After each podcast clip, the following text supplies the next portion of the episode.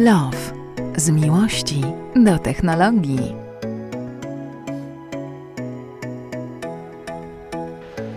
Witajcie. Kolejny odcinek Techlove. Dzisiaj mocno nietypowe. Takiego jeszcze odcinka w e, historii Techlove nie było.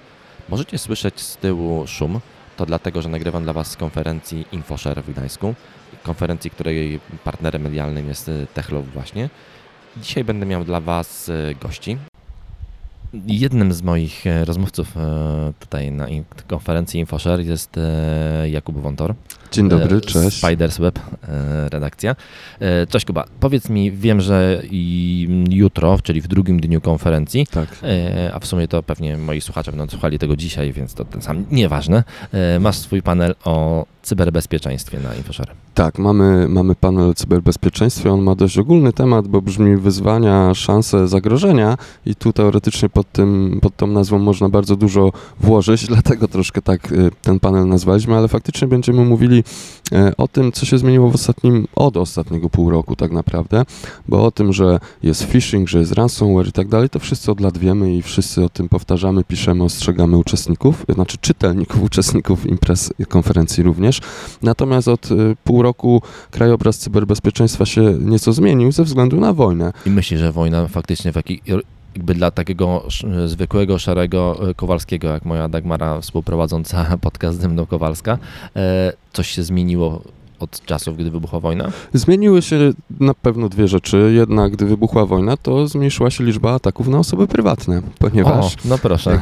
E, grupy cyberprzestępcze e, albo zostały zaprzęgnięte przez rządy do ataków na przykład na Ukrainę, bo wiele, wiele grup e, pochodzi z Rosji, z Białorusi i z tamtych terenów, albo w drugą stronę grupy przestępcze uznały zaraz, zaraz, czemu Rosja tutaj wali w Ukrainę, czemu im wojnę wypowiada, to my walimy w Rosję, prawda? No tak.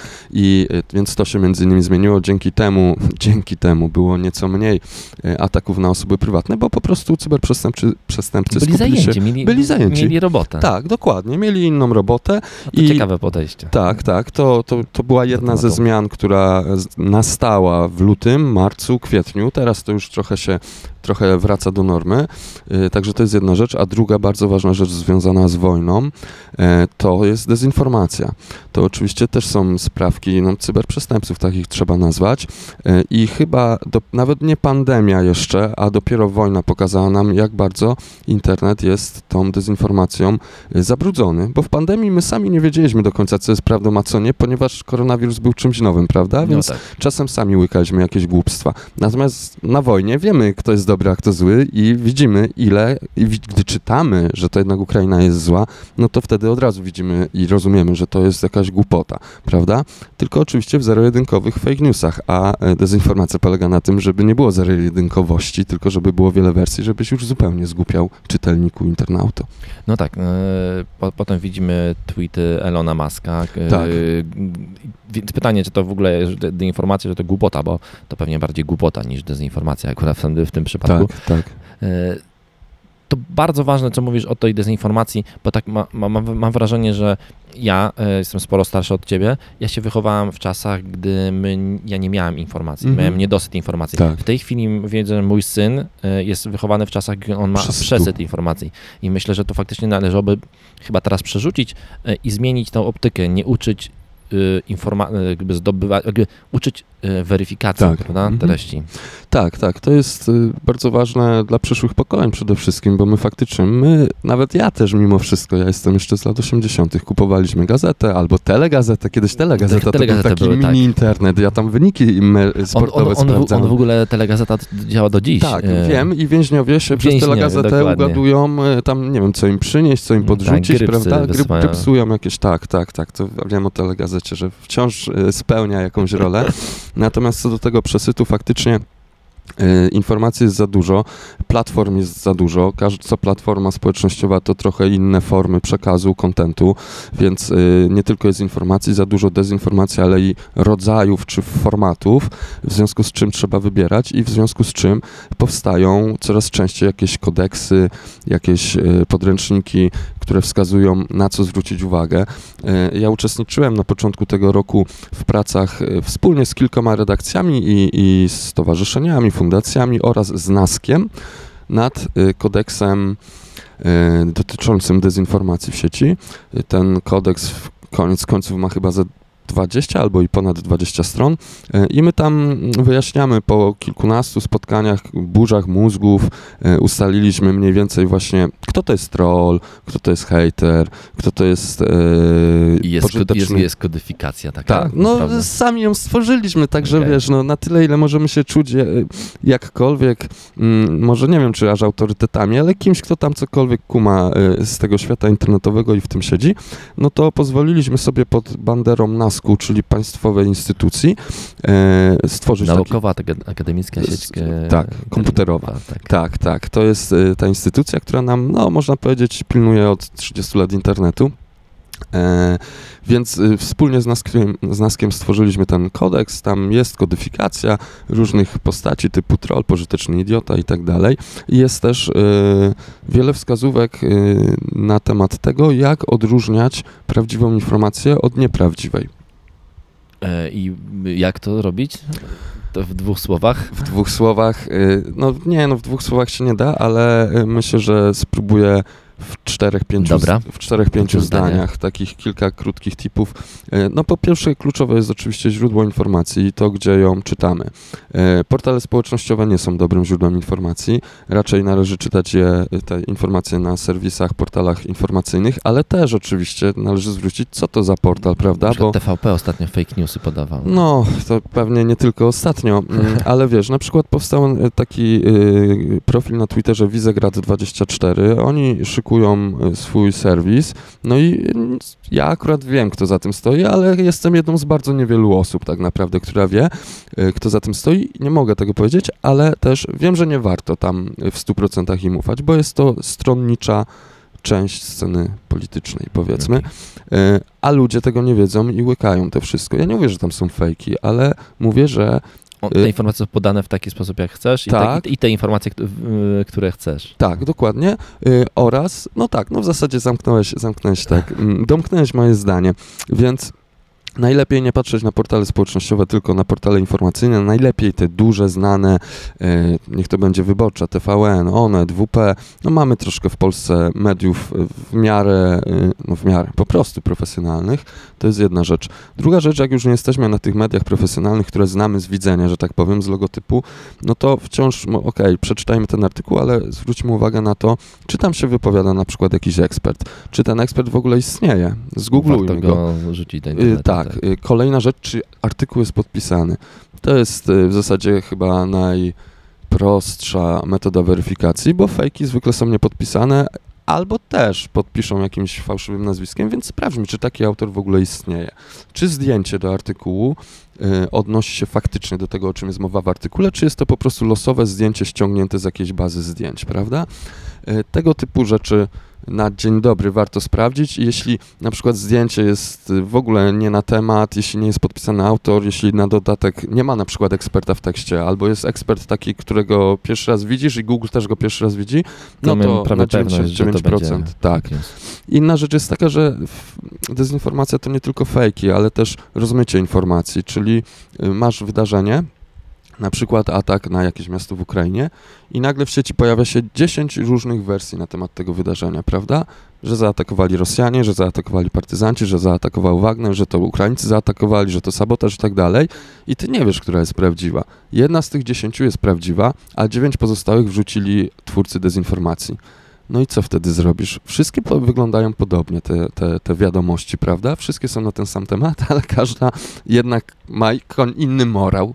To jest jeszcze trudniejsze, no ale tu też znowu należy zwracać uwagę właśnie na, na źródła, na to, kto, która wiadomość jest przez kogo podawana. No, mój syn, który ma 11 lat, mm, pozdrawiam cię Maksiu, ponieważ on słucha, słucha podcastu, e, on bierze większość informacji o świecie z TikToka. Dla niego e, tak naprawdę źródłem informacji jest TikTok.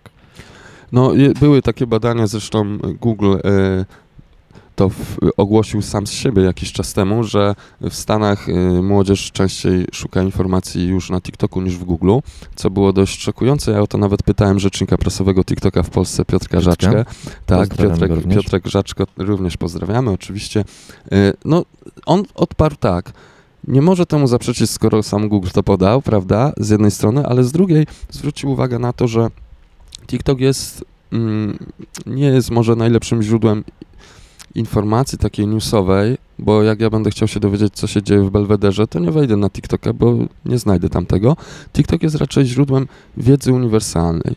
To znaczy, jak coś stworzyć, jak coś naprawić. No nasz prezydent chyba jest na TikToku. więc- No jest, jest, ale jakoś nie, nie, nie za bardzo aktywny tam jest, więc y, no, nie polecałbym mimo wszystko. Zasięgi mu pocięli. Tak, tak i tak już zostanie, bo politycy nie mogą się reklamować na TikToku, super sprawa. E, Natomiast co do tych informacji, e, no to tak, to jednak mimo wszystko polecałbym szukać informacji u dziennikarzy, a nie u twórców TikTokowych. U twórców TikTokowych można szukać, o, na przykład jeżeli masz, były huragany chyba na Kubie y, w zeszłym tygodniu, to warto... Dominikana, Kuba. Tak, Karaiby. tak, Karaiby generalnie. No to jeśli chce się dowiedzieć o tym, jakie tam były straty, ilu ludzi zginęło, y, co się dzieje na Kubie, czy tam faktycznie nie ma 80% osób obecnie prądu, znaczy wtedy, tydzień temu, to wejdę na portal informacyjny. Ale jeżeli będę chciał zobaczyć, jak powstaje huragan i y, w jaki sposób on niszczy wszystko na swojej drodze, po prostu taką uniwersalną informację chcę uzyskać, to prędzej znajdę to na TikToku. No bo w ogóle, wiesz, to z tym TikTokiem to faktycznie, bo my, my, nie wiem, y, przynajmniej moje pokolenie y, u- uważa portal za właśnie takie źródło głupoty y, raczej niż, tak y, się wydaje. niż nie głupoty, ale tak naprawdę to chyba y, każde medium jest takie jak twórcy i tak naprawdę pewnie można znaleźć na TikToku bardzo dużo ciekawych treści. Tak, ja myślę, że za TikTokiem trochę e, ciągnie się taki smrodek e, sprzed kilku lat, kiedy faktycznie tam były same dzieciaki i robiły lip-synki do piosenek i tańczyły do... do... No bo tak ten serwis taki powstał. Tak to- powstał, dokładnie. Natomiast obecnie to już nie jest taki serwis i dzieciaki tam nie mają przeważającej większości nawet, również w Polsce. Nie pamiętam teraz danych, ale tam było coś około 60% osób powyżej 18 roku życia. I do góry, y, mówię o, o polskiej grupie, o polskich odbiorcach, 18 plus i tam 25, 35, więc tam już jest dużo dorosłych ludzi i ci dorośli ludzie zaczęli tam wrzucać fajne materiały. No, Ja na przykład ostatnio pod, podam Ci przykład, y, czego się na TikToku dowiedziałem ostatnio, jak y, przeczyścić sobie. Y, Jezu, teraz mi słowo wypadło, to tutaj przynoszę. Jakieś kanały, tak? Jak nie, nie tak, zatoki. Zatoki, jak okej. sobie przeczyścić zatoki. I filmik miał 20 sekund, wypowiadał się na nim lektor telewizyjny i pokazał, że tu się pociągnij za ucho, tutaj przyciśnij pod policzkiem y, kciukiem i tam coś przesuń i w ten sposób oczyszczasz zatoki i to wie każdy lektor i każdy piosenkarz. Ja nie miałem pojęcia, ale dzięki TikTokowi nawet testowałem to czyszczenie Działa. zatok. Dzia no wydawa wydawało mi się, że zadziałało, tak. Okej. Ja z TikTokiem mam taki problem, że e, nie rozumiem jego algorytmów i nie wiem, czy TikTok sam rozumie te algorytmy. Ja nie używam prawie tej platformy, mam tam tysiąc osób obserwujących i wrzuciłem ostatnio filmik strasznie głupi, Mhm. który miał e, 3 miliony odtworzeń. No, ja nie mam żadnego filmiku i podejrzewam, że żadnego obserwującego, y, skoro nic nie wrzucałem. Co do tego, o czym mówisz, tak, y, jest tak, że można wrzucić, można nie mieć żadnego filmu, malutko obserwujących, a zrobić wielkie wow, a potem już nic zupełnie, to się nie wiąże z tym, że twój No drugi właśnie, tak, film tak, będzie... będzie zupełnie, bo oczywiście Tak. kolejny film nie ma w ogóle takiego, więc Tak, wiesz, I wiesz, i wiesz, dlaczego, i wiesz dlaczego mnie to boli? Bo mam wrażenie, że to jest mega mocno sterowalne, że jednak TikTok jest, e, ma na niego wpływ rząd chiński. E, ja nie ufam rządowi chińskiemu. mm, słusznie. E, I oni mogą, ja wiem, oni mogą sterować tą treścią, czyli jeżeli dostaną polecenie, że mają jakąś treść przekazać, bo, bo ta treść jest na komuś na rękę, no to ona się pojawi wszystkim. Y, Ja też mam takie podejrzenia, y, ale po kolei, jak działa TikTok? TikTok działa zupełnie inaczej niż Facebook, Instagram, Twitter i wszystkie media społecznościowe, bo media społecznościowe są oparte na algorytmie social graph, czyli społecznościówki, Mhm. listy kontaktów. To, co widzę, opiera się na tym, jaka, jak wygląda moja lista kontaktów, znajomych, y, obserwa- obserwowanych osób i fanpage i tak dalej. A TikTok w ogóle ma gdzieś y, twoich znajomych, twoich idoli i tak dalej. TikTok działa na content grafie, Czyli tam kluczowy jest właśnie content, a nie człowiek, który go stworzył. E, W związku z tym algorytm TikToka ponoć przez dwa tygodnie powinieneś na tym TikToku siedzieć tam, klikać, przeglądać, żeby on skumał, co ty najbardziej najbardziej lubisz i żeby ci podrzucał już dokładnie dopasowane rzeczy pod ciebie. Ja nie wiem, czy tak jest, bo tego TikToka nie używam aż tak jeszcze, e, no ale tak mówił właśnie rzecznik Mhm, Piotr, Piotr. e, że, że tak to działa. A czy rząd chiński ogłupia ludzi? To jest bardzo łatwa e, interpretacja, bardzo taka pierwsza, która przychodzi do głowy i mi też ona krąży po głowie. Jest taka apka mm, alternatywna dla TikToka, ja teraz nie pamiętam jej nazwy, ale ona należy do TikToka, czy do ByteDance, czyli do właścicieli TikToka i ona działa jak TikTok, wygląda jak TikTok, ale działa tylko w Chinach. I pokazuje tam filmy takie, wiesz, nie jestem w stegnach, ha, ha, ha, tu jest plaża, No tylko właśnie. wy poznajcie wzór na e, gęstość No, wody. wa- ja właśnie to słyszałem, tak, to w ogóle wyprzedziłeś moje pytanie, bo, e, bo jest taka miejska legenda o tym, że TikTok pokazuje amerykańskim dzieciakom Tak. totalne głupoty, Tak. żeby robić im wodę z mózgu, a chińskim dzieciakom pokazuje fajne rzeczy, żeby oni e, no, uczyli się fajnych rzeczy. Jest, jest taka legenda miejska i ta apka, o której wspomniałem, y, no to to jest taki TikTok dla Chin.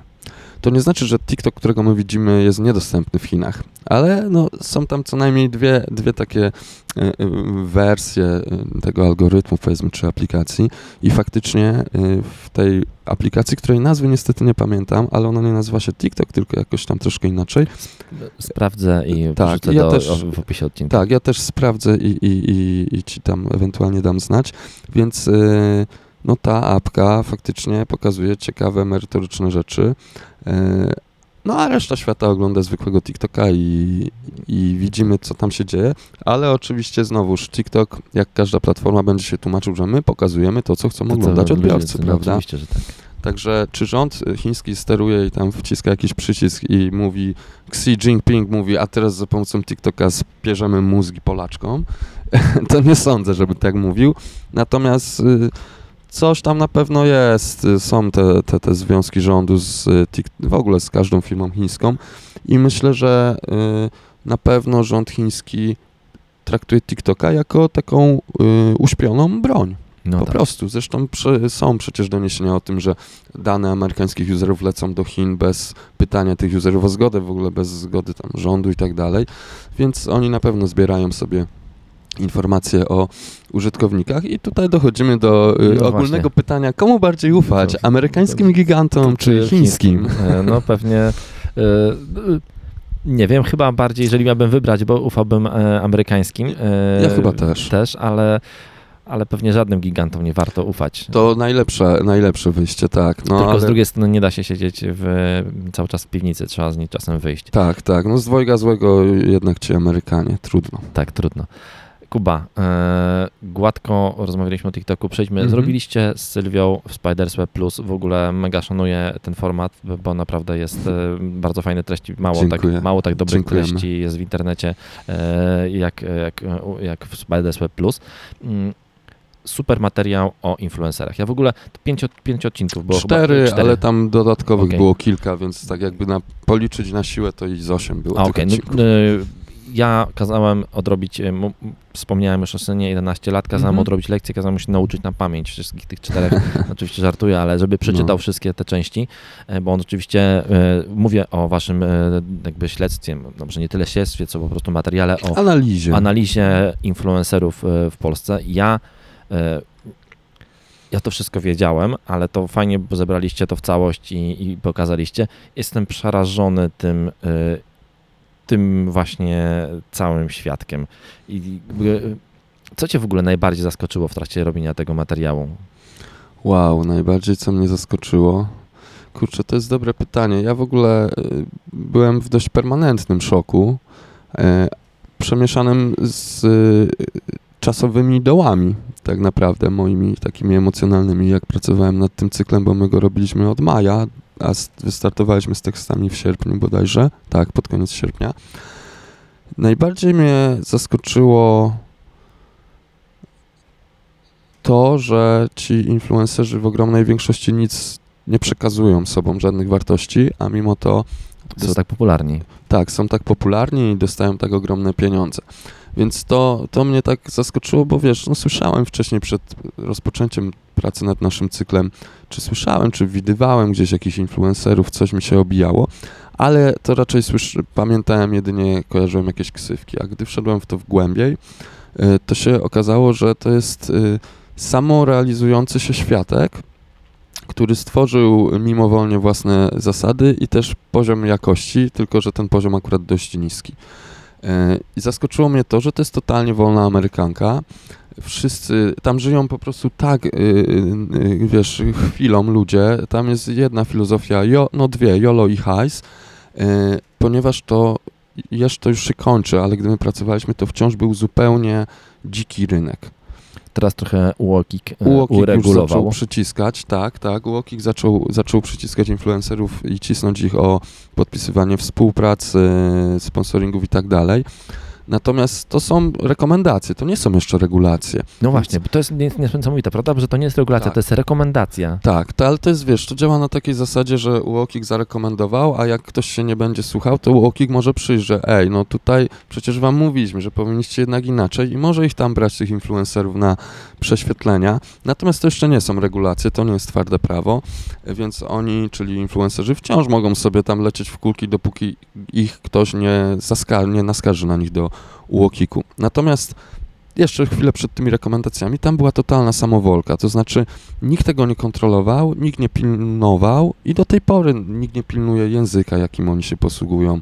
Przecież y, to jest y, mm, audytorium bardzo młode, y, audytorium influencerów jest bardzo młode, a influ lecą non-stop z wulgaryzmami. Ja tam y, ro, trochę moralizuję teraz, no ale, ale to do rodziców mówię. Ja na szczęście nie mam dzieci, więc nie muszę się tym martwić. Mówię na szczęście, że, bo nie muszę się tym martwić. No tak.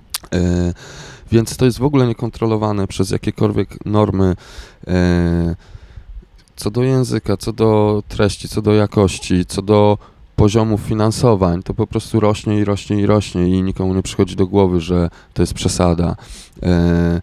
A druga rzecz to jest taka, że ten, to środowisko samo się kreuje, czyli jeden coś powie, więc drugi już nagrywa odpowiedź na tamtego. Ten mówił przez. Ja mówiłem o tobie pół minuty, ale ty nagrywasz 15 minut na mnie w odpowiedzi, więc ja w ripoście rzucam 30 i wiesz, i to się A na nakręca. końcu idziemy na, e, na, na ring i Potem idziemy walimy, na ring, walimy sobie po... walimy się po, po twarzach, a po ringu dość często się przytulamy i imprezujemy na afterze. Więc, e, więc tak to wygląda. Taki jest cykl życia konfliktu influencerskiego.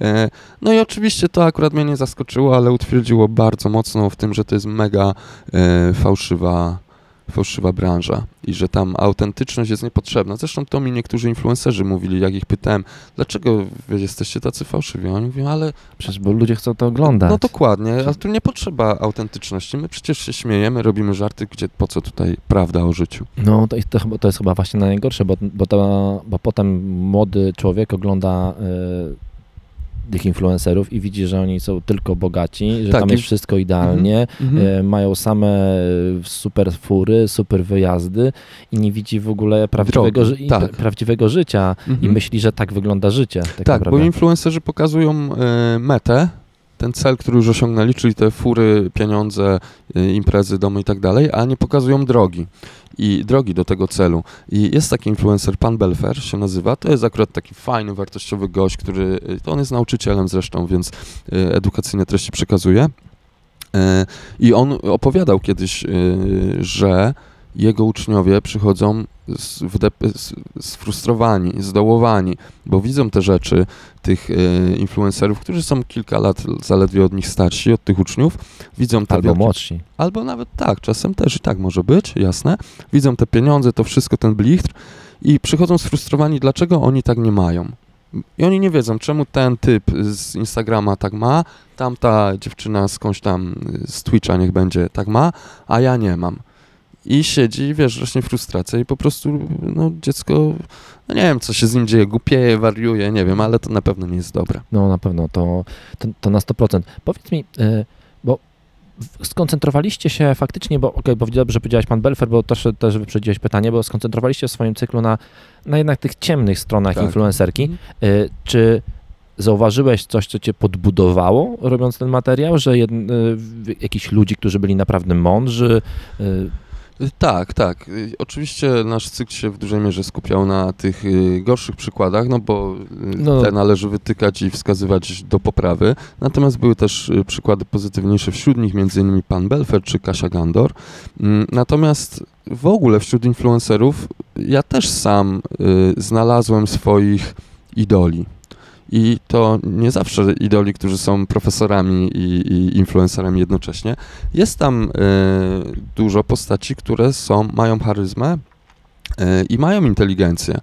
E, no, Young Multi na przykład, ja jestem jego dużym fanem od pewnego czasu, to jest ten, co mówił, że Masłowska Nike wygrała Mhm. nagrodę. E, Oczywiście on doskonale wiedział, że to się czyta Nike, tylko ludzie, którzy go, starsi, którzy go oglądali, nie tak. wiedzieli i potem sobie z niego toczyli bekę. Ale jest parę takich postaci, które ja zacząłem śledzić. To jest na przykład Young Multi, to jest Mandzio. Y, Śledzę też Boxdela, czyli y, jednego z szefów y, Fame MMA, z racji tego, że imponuje mi jego dojście do tego miejsca. To znaczy, on y, robił ciekawe filmy, dosłownie, on robił ciekawostki internetowe, takie filmiki, y, wiesz, tam 10 y, najbardziej zapomnianych miejsc świata, No czy tak, tego okej. typu rzeczy. To jest rozrywka, no ale tam spoko, można się czegoś dowiedzieć.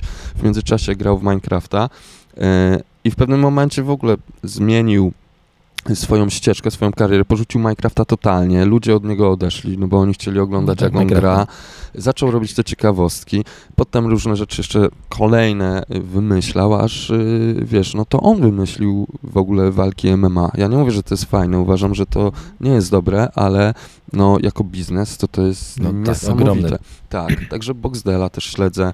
Y, No jest, jest kilku, wiesz, Przemek Staroń, ale to znów to jest taki influencer, nauczyciel. Jest parę postaci, które, z którymi, które ze mną zostały już po zakończeniu tego cyklu. A to nie jest tak, że, e, że oni mają jednak dużo mniejsze audytorium niż ci, którzy... Y, Ci jak Staroń czy pan Belfer? Oczywiście, że tak. Jasne, to jest, y, no tak, tak, jak masz 100 influencerów, to y, o- 90 jest takich, wiesz, rozrywkowych, y, high life i tak dalej, 10 jest wartościowych, którzy niosą jakieś treści, ale to te 90% jednak zgarnia większość tortu, czyli uwagi userów, y, ich czasu, ich lajków, share'ów.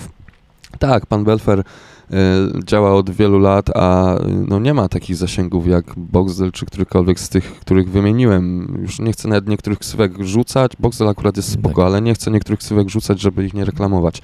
Oczywiście ci wartościowi influencerzy docierają do dużo mniejszego grona, no ale tak wygląda chyba nasze społeczeństwo. E, Jeden z członków zarządu Agory jakiś czas temu mówił, że e, według jakichś tam badań, które dostał, to w Polsce milion osób jedynie ma potrzeby, piramidę potrzeb wyższą niż pić, jeść, spać.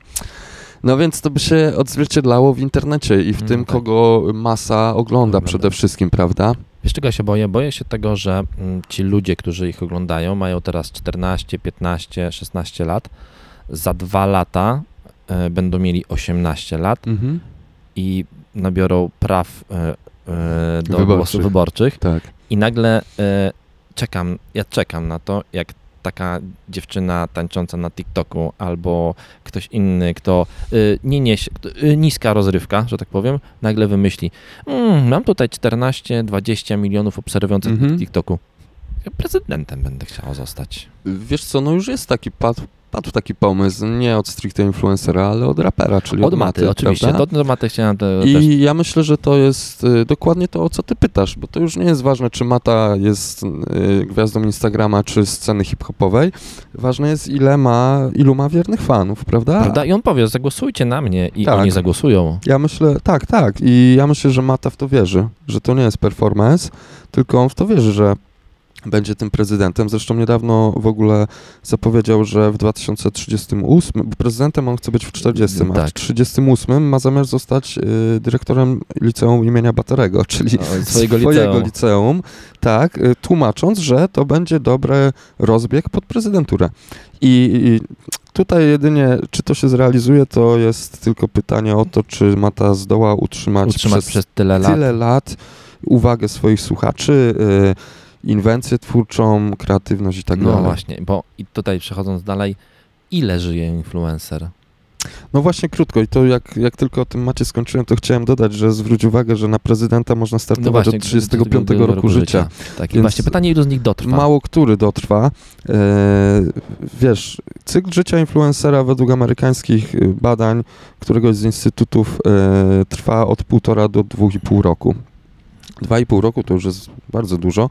W Polsce mamy e, oczywiście przykłady Takich, którzy dłużej są. Tak, ale wiesz jak dłużej. Wardenga na przykład e, wrzucał te A filmy... Wardenga jeszcze istnieje? To coś No robi widzisz, jeszcze? no właśnie, tak, tak, to jest bardzo ważna postać teraz y, świata, bardzo ważna, jedna z kluczowych, ale widzisz, nie wiedziałeś, że on istnieje, bo on w pewnym momencie zniknął, upadł. Upadł to może duże słowo, bo on nic strasznego nie zrobił, ale po prostu stracił popularność.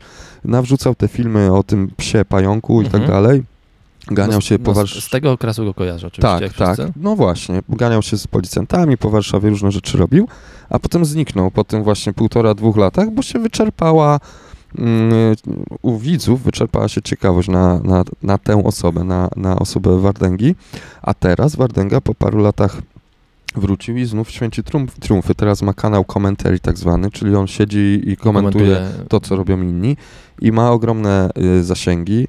Y, jest y, współprowadzącym y, konferencji MMA, y, jest współprowadzącym takich mm, rundki, to się różnie nazywa, ale takich y, spotkań twarzą w twarz przed ludzi, którzy będą się za tydzień na przykład bili. Okej. I siedzą sobie we trzech, Wardęga po środku, no i takie talk Takie- show z wymianą zdań. Okej. Więc Wardęga wrócił. Jakby drugi cykl zaczął. Yy, Boxdel, tak jak wspominałem wcześniej, grał w Minecrafta, Minecrafta. miał wielki, wielki fanbase i też yy, uciął to i też zniknął na początku. Musiał się znów odbudowywać, więc te cykle trwają tak powiedzmy właśnie półtora, dwa i pół roku i niektórzy potrafią potem powrócić, bo zobacz, ale nie wszyscy, bo pamiętasz Łukasza Jakubiaka? Tak, oczywiście. Nie ma go już teraz na horyzoncie influencerskim od kilku lat. Mało kto wie, co on robi. Znaczy, można wpisać w net, y, w Google jego nazwisko i się dowiemy, co robi, że tam jakieś coachingowe sprawy, y, szkolenia i tak dalej. No ale on też miał swój wielki moment i potem już zniknął, prawda? Y, I on też jeszcze nie ma chyba 35 lat. Wardęga jeszcze nie ma 35 lat. Y, No nie wiem, jaki influencer z tych największych, chyba żaden. Chyba żaden. Y, Rezi, może, nie, nie Rezi, tylko, mm, ach, nie pamiętam, Rezi, chyba Re, Rezygiusz, tak, Mhm. Rezygiusz chyba jest starszy, e, Rezygiusz Macia, Maciaszek, jeśli, Tak. No to on jest starszy, okej, no ale to jeden przykład. Y, Inne przykłady starsze, no to taki pan Belfer, którego no tam, tak, wiesz, ale, y, ale on nie ma takich ale zasięgów, on żeby nie ma tych dokładnie, więc czy któryś z influencerów dożyje do 35 roku życia na, na, na szczycie? Y, Trudno mi powiedzieć. Podejrzewam, że nie, że, że wiesz, z influencerami dorośleją też ich widzowie, prawda? I y, i też mądrzeją. Myślę, że taki influencer jeden, drugi czy piąty nie jest y, idolem na całe życie dla nastolatka. Y, Myślę, że jak taka, taki gimnazjalista, dzisiejszy mamy O, gimnazja, nie ma już nie ma już ma. no to licealista czy, czy uczeń podstawówki, za pięć lat będzie miał zupełnie inne zajawki internetowe, muzyczne, rozrywkowe i tak dalej.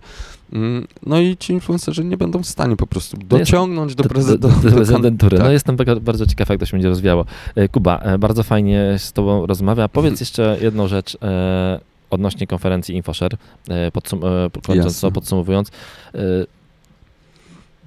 Uważasz, że, bo jesteś tutaj i prelegentem, ale też uczestnikiem, widziałem, masz Tak. pięknie rozpisane, na które prelekcje idziesz. tak. E, co Ci się najbardziej podoba w InfoShare? To nie jest Twój pierwszy raz na InfoShare. No nie, nie. y, Wiesz co, no przede wszystkim to są imprezy InfoShare, ale też i inne, ale InfoShare szczególnie, na której mm, no to są przede wszystkim ludzie, to po pierwsze, prawda? E, tutaj może fajnie jest e, się ze znajomymi z branży, ze środowiska spotkać, pogadać. E, mi się podoba to, że ta impreza wyrosła z takiej mocno inżynieryjnej, dewo- deweloperskiej. To jest niesamowita zmiana. Tak, tak, z deweloperskiej imprezy na imprezę po prostu branżową, gdzie w jednej sali mam faktycznie deweloperów, którzy mówią niby po polsku, ale ja nic nie kumam. W drugiej sali mam gościa właśnie od influencingu, który opowiada teraz o dwie godziny temu, jak się tam zarabia, ile się zarabia. A w kolejnej mam w ogóle bodajże wiceprezydenta Gdańska, który mówi, jak oni miasto cyfryzują i to jest super, że to się tak rozwinęło, e, bo ja jestem zaproszony na dużo różnych takich eventów, nie tylko w Polsce, zresztą ty też, jak każdy z nas, dziennikarzy e, i często one są mocno takie techniczne, że wiesz, że po prostu siedzisz... Tutaj jest, tutaj jest niesamowicie, podoba ta mm, e, jakby energia, która jest na tej głównej sali, gdzie to są firmy, które No. chociażby szukają pracowników i w Tak. ogóle y, organizują konkursy, to w ogóle Tak. wszystko naprawdę działa tak Mhm. y, rewelacyjnie i wie- powiem Ci, dla mnie, co jest ogromnym plusem tej imprezy, dla mnie ogromnym plusem tej imprezy jest to, że ta impreza w tej podstawowej swojej wersji jest niebiletowana i może przyjść tu każdy. No mnie ta dzisiejsza kolejka wystraszyła, bo jak zwykle zapomniałem, że jako prelegent mogę ją ominąć na szczęście, Okej. ale gdybym miał stać w tej kolejce, to dopiero pewnie bym wchodził tutaj na halę. Tak, Więc to jest jest super, prawda? To jest tak. niesamowite, że, mogą, że może tu wejść każdy Tak, z ulicy. to jest, no, to jest ekstra, no i widać, że jest ogromne zainteresowanie. To, Tak, no, tak. niby nie powinienem, ale znów jestem zaskoczony. Y, Bardzo dużo ludzi widzę właśnie z tymi wejściówkami basic, czyli Tak. tymi darmowymi Tak. i co często młodzi ludzie. Mhm. Y, I chyba wolę, żeby oni przyszli tutaj, y, ci młodzi ludzie, niż poszli na TikTok. Pewnie, ja również. podsumowując. Dzięki bardzo Kuba za rozmowę. Dzięki Do usłyszenia. Hej, pa. Hej.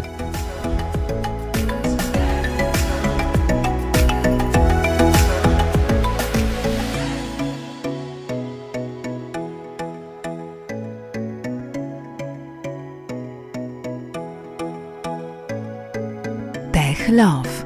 Z miłości do technologii.